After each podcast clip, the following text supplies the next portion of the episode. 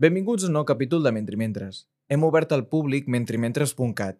Us animem a visitar-nos, a donar-hi un cop d'ull als textos que hem estat preparant i els que vindran. Recordeu que us podeu subscriure en aquesta plataforma en la qual ens escolteu i ara també en el nostre butlletí. Que gaudiu de l'episodi. Tots els oients ara mateix estan comprant llibres. Ah, Exacte. A veure, un, dos, tres, un, dos, tres... Perfecte. Benvinguts a un nou capítol de Mentri Mentre. Seguim aquí a la setmana del llibre en català i ja tinc tot l'equip dels marges. Marrogat, Jordi Marrogat, què tal, com estàs? bon dia, molt bé. Antoni Isarc, per davant, què tal, com estàs? Hola, bon dia, molt bé. I senyor Morgades, ben tornat. Gràcies, gràcies. Una aparició estel·lar aquí, en, en no res hem canviat el No. set. Això com a la televisió fem. Escolteu, què hem de dir dels marges? Ara en surt un, ara en surt, no? Ara d'aquí poquet en tindrem... Sí, Tindrem la novet. d'aquí un mes, Un mes. més o menys, sortirà el número 132, no? Anem pel 131. 131. El, el 131, sí. Ja l'heu anunciat, no?, per al 132? No, no, no, no. Ara ha sortit el 130, va sortir abans de l'estiu. Vale, el de sí. tardor és aquest que sortirà Sortirem ara. al 131 Sí, d'aquí un mes o així. Vale. I el 132 serà el número amb què farem 50 anys. Exacte, la primavera, la primera de l'any que ve. És a dir, ens falten Del tres 24. números per assolir la fita dels 50 anys perquè va aparèixer per primer cop al maig de 1974. Segurament per un error, una vedada, un el que sigui de la censura franquista, perquè havien demanat el permís l'any anterior, en l'endemés va haver-hi doncs, l'assassinat al Carrero Blanco, ens vam temer que ja ni per, vaja, ni per mort de morir ens concedien el permís, i per això, per un error, per un error, per l'error que fos, doncs tot d'una va rebre el permís, el Mascàner, de, de publicar els marges. I això era el, el, hauria ser el febrer-març del 74 i el maig va aparèixer el primer número. Jordi Marrogat, fa quan que estàs vinculat als marges? no sé els anys, no me'n recordo. Fa bastant. Passa que vaig parar durant uns anys i després vaig tornar. Pot fer 15 anys. Estic vinculat als marges, entre 10 i 15 anys. I en el teu cas, Antoni? Sí, en el meu cas, eh, dels tres que som aquí avui, sóc el d'incorporació més recent, Més recent. amb l'última, diguem-ne, reforma o reestructuració de la revista i amb la incorporació de més membres del Consell de Redacció, i per tant deu fer potser tres o quatre números, mm, màxim un any i mig o dos anys. És la cosa molt, molt recent. Eh? Val a dir que dels últims eh, membres que ens hi hem incorporat, cap no havia nascut quan es va fundar la revista. La qual cosa és molt significativa, eh? Jo tampoc, eh? I tampoc. I el Jordi tampoc, és cert, sí, sí. Déu-n'hi-do, déu nhi déu Avui estem parlant dels marges, que com dèiem fa festa grossa. Ja heu pensat com celebrareu l'aniversari l'any vinent? Tenim cosetes. Hi haurà tenim cosetes? cosetes pensades, alguna coseta, però esclar, està tot molt agafat amb pinces. Pensa que tenim una estructura molt petita, uh, un, uns números, una economia molt, molt petita també, per tant podem fer poca cosa, però sí, hem començat a pensar coses i ja tenim algunes, algunes coses. No sé. Ahir aquí a la Setmana del Llibre en Català justament s'anunciava la reestructuració i el canvi que patirà l'avenç. Ja no parlem de revistes digitals, que això són un altre funcionament, una altra lògica. Com s'ha estat eh, aguantant doncs, els marges des d'un punt de vista també de, de l'ordre lector? Ha estat la relació amb la universitat? Ha estat sempre els vincles, un, un seguit de persones que no han abandonat mai els marges? Com valoraríeu la continuïtat? Bé, jo diria que la, la resistència de la revista ha estat sempre en precari, però cada cop que llegim algun paper, algun text, algun, algun article que commemora alguna efemèride, sempre és aquella, aquella frase, no? Anem aguantant fins on puguem, no? 25 anys, 35 anys, eh? i anem fent d'aquesta manera. Mm, Pel que fa a això que comentes de la vinculació amb la universitat, bé, no en tenim una de directa, més enllà del fet que tots els membres de la redacció som d'una o altra universitat, bàsicament l'Autònoma o la, o la UB, però no som una revista estrictament o directament vinculada a cap departament de, de filologia. Sempre hem depès d'entitats privades, d'editorials eh, privades, oi? O sigui, en aquest sentit hem tingut sempre una gran independència respecte al nostre lloc de treball habitual que està a la universitat.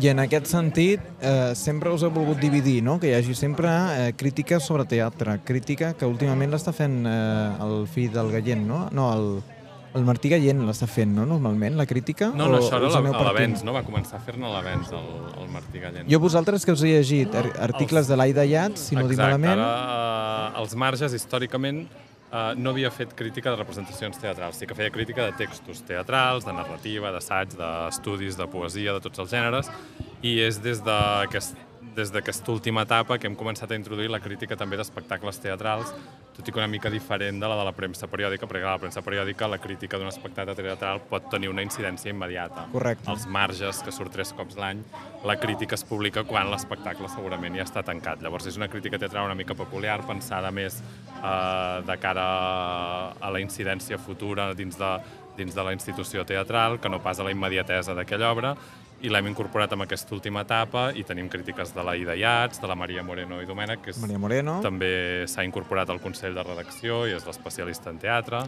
Francesc Foguet, Uh, Francesc Foguet ens uh, cosa? fa estudis, te fa estudis, és professor de filologia catalana, ens ha fet estudis crítica teatral, no ens n'ha fet uh, cap estrictament d'aquesta crítica teatral, però fa estudis de teatre i els publica.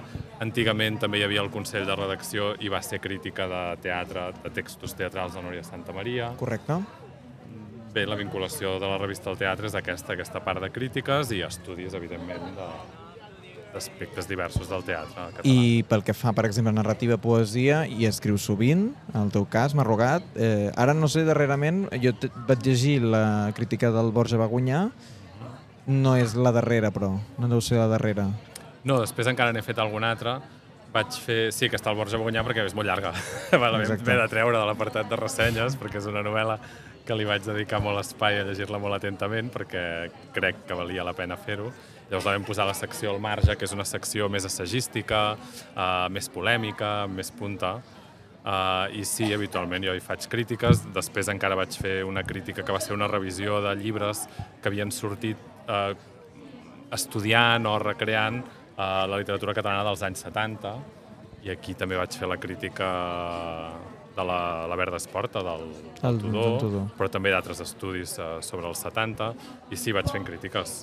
Com el Toni, també el Toni, de fet, abans de- d'incorporar-se a la redacció, Sí. ja havia estat habitualment crític de narratives. Sí, sí, de fet, la la, la meva entrada als marges és a través de, de la secció de ressenyes, que és una de les que es manté pràcticament des, de, des del primer dia. Eh? Al principi eren notes i ressenyes, després va canviar i va passar a ser ressenyes, i així és com vaig entrar, i és una manera de foguejar-se, fer una mica de crítica, de, de recerca bàsica, i, i he anat fent això essencialment. Eh? I és una de les seccions, diria jo, que, que té més... Eh, no sé si dir-ne incidència, perquè no sabem fins a quin punt Els marges estan als rementades que publiquem no són, són vàlides o no, perquè de vegades hem, hem fet alguna ressenya una mica més, més polèmica o amb més voluntat eh, eh, de, de generar debats i no ha acabat de, de crear-se gaire res, no? A través de les ressenyes o bé a través dels editorials, que és l'altra l'altra, diguem-ne, secció més vinculada a l'actualitat. I això us preocupa, que no hagueu tingut incidència? No, home, els marges són els marges, estan als marges, i allà als marges està molt bé perquè hi ha molta llibertat, ningú s'hi fixa, i pots dir el que vulguis, i això fa que a vegades diguis inconveniències grosses, però no se n'adona gaire gent.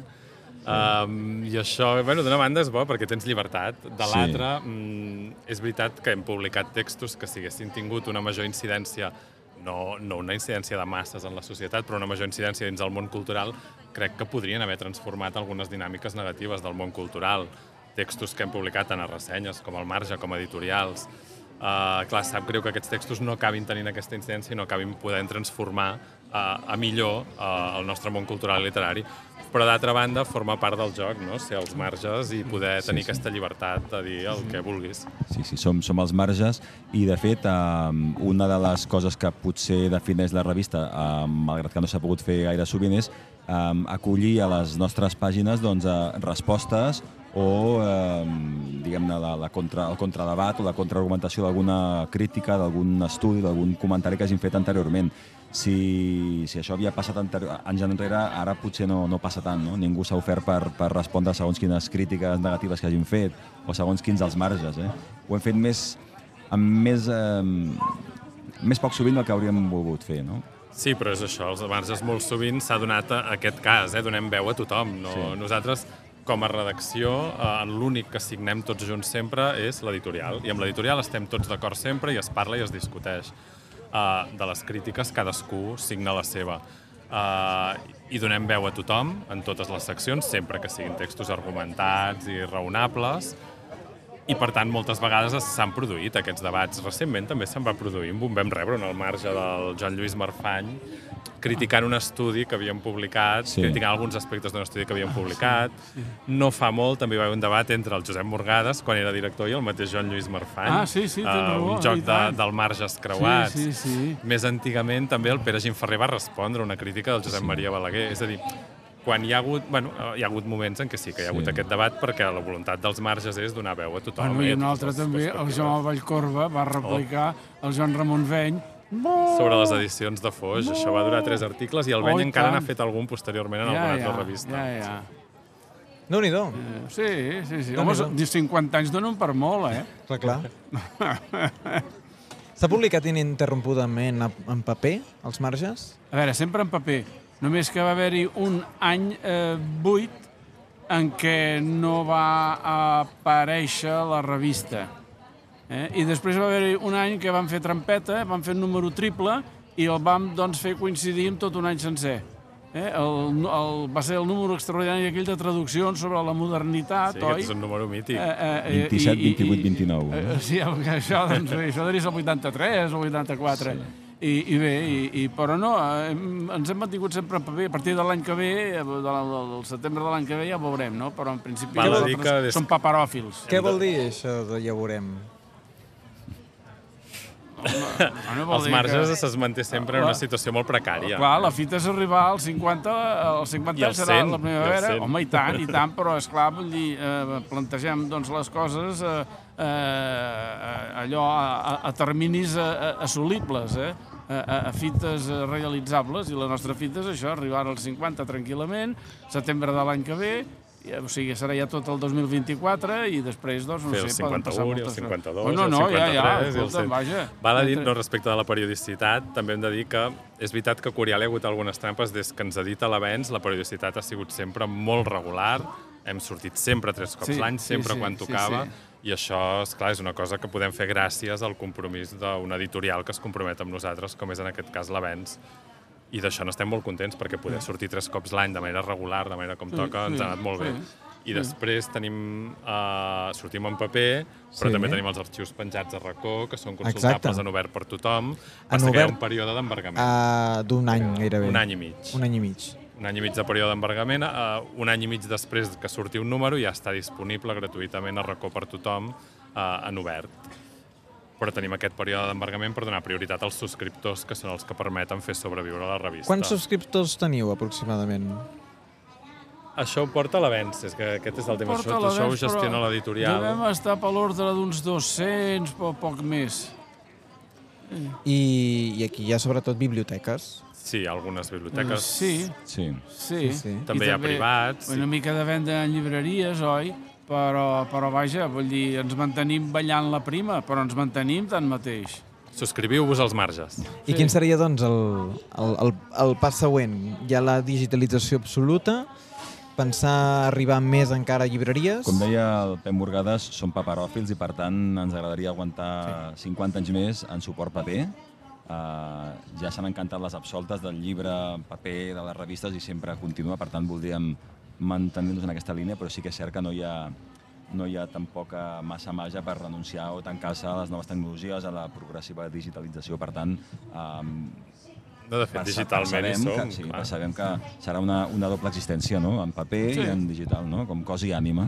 Hem tingut el debat a la redacció unes quantes vegades. El problema és que els marges és una revista, un model de revista, un problema no, el, el mèrit que té els marges és que és un model de revista molt peculiar. És un model de revista que té una secció d'estudis i d'edició de textos realment acadèmica, vinculada a novetats en el coneixement i, per tant, a la universitat, i després té una part d'incidència social més directa, a l'editorial, al marge, a les crítiques, i aquest equilibri amb el paper es manté molt bé.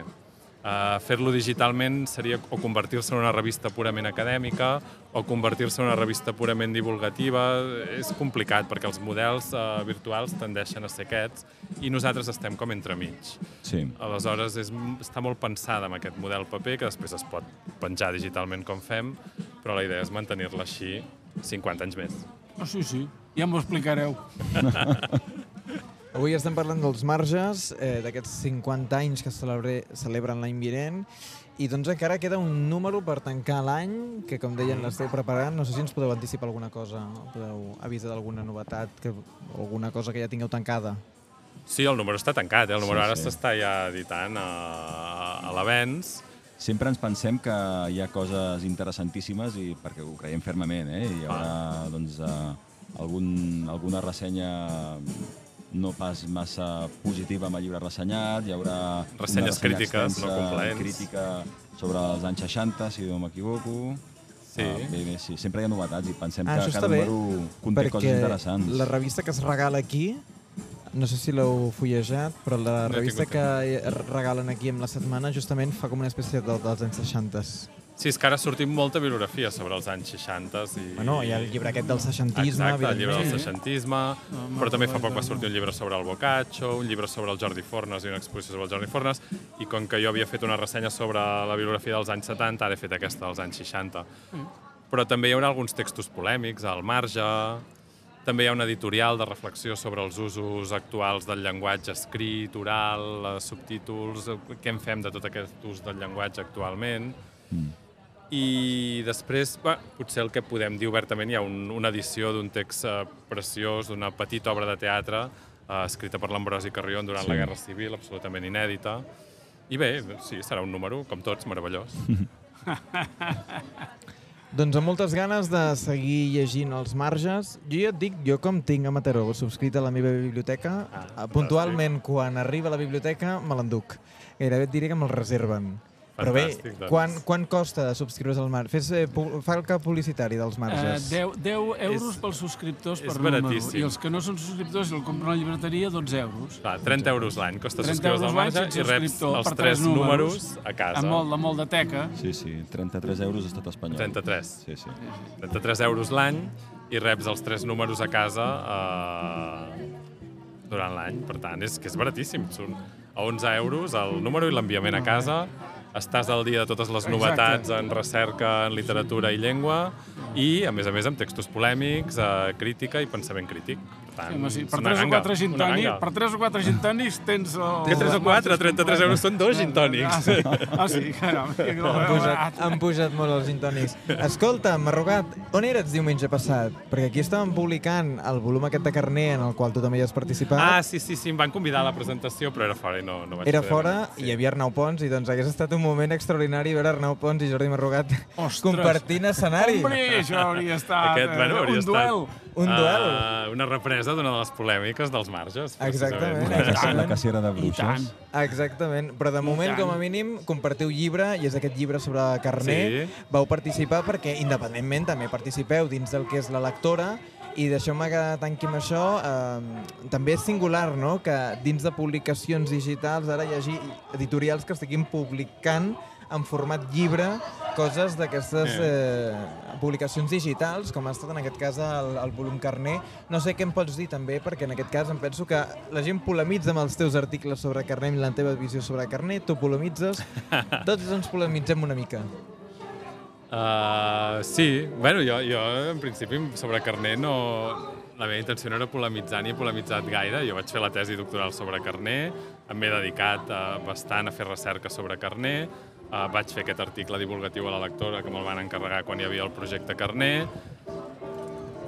i la meva contribució en principi acabava aquí. Sí que és veritat que llavors doncs, eh, hi ha gent que potser no s'ha dedicat tant a carner i té ganes de eh, que se'ls vegi en l'àmbit carnerià i senten la necessitat d'atacar-me a mi. Llavors, en algun cas responc, però vaja, eh, em sembla que el, el nivell de lectura de la part polèmica és molt, molt prim. Eh?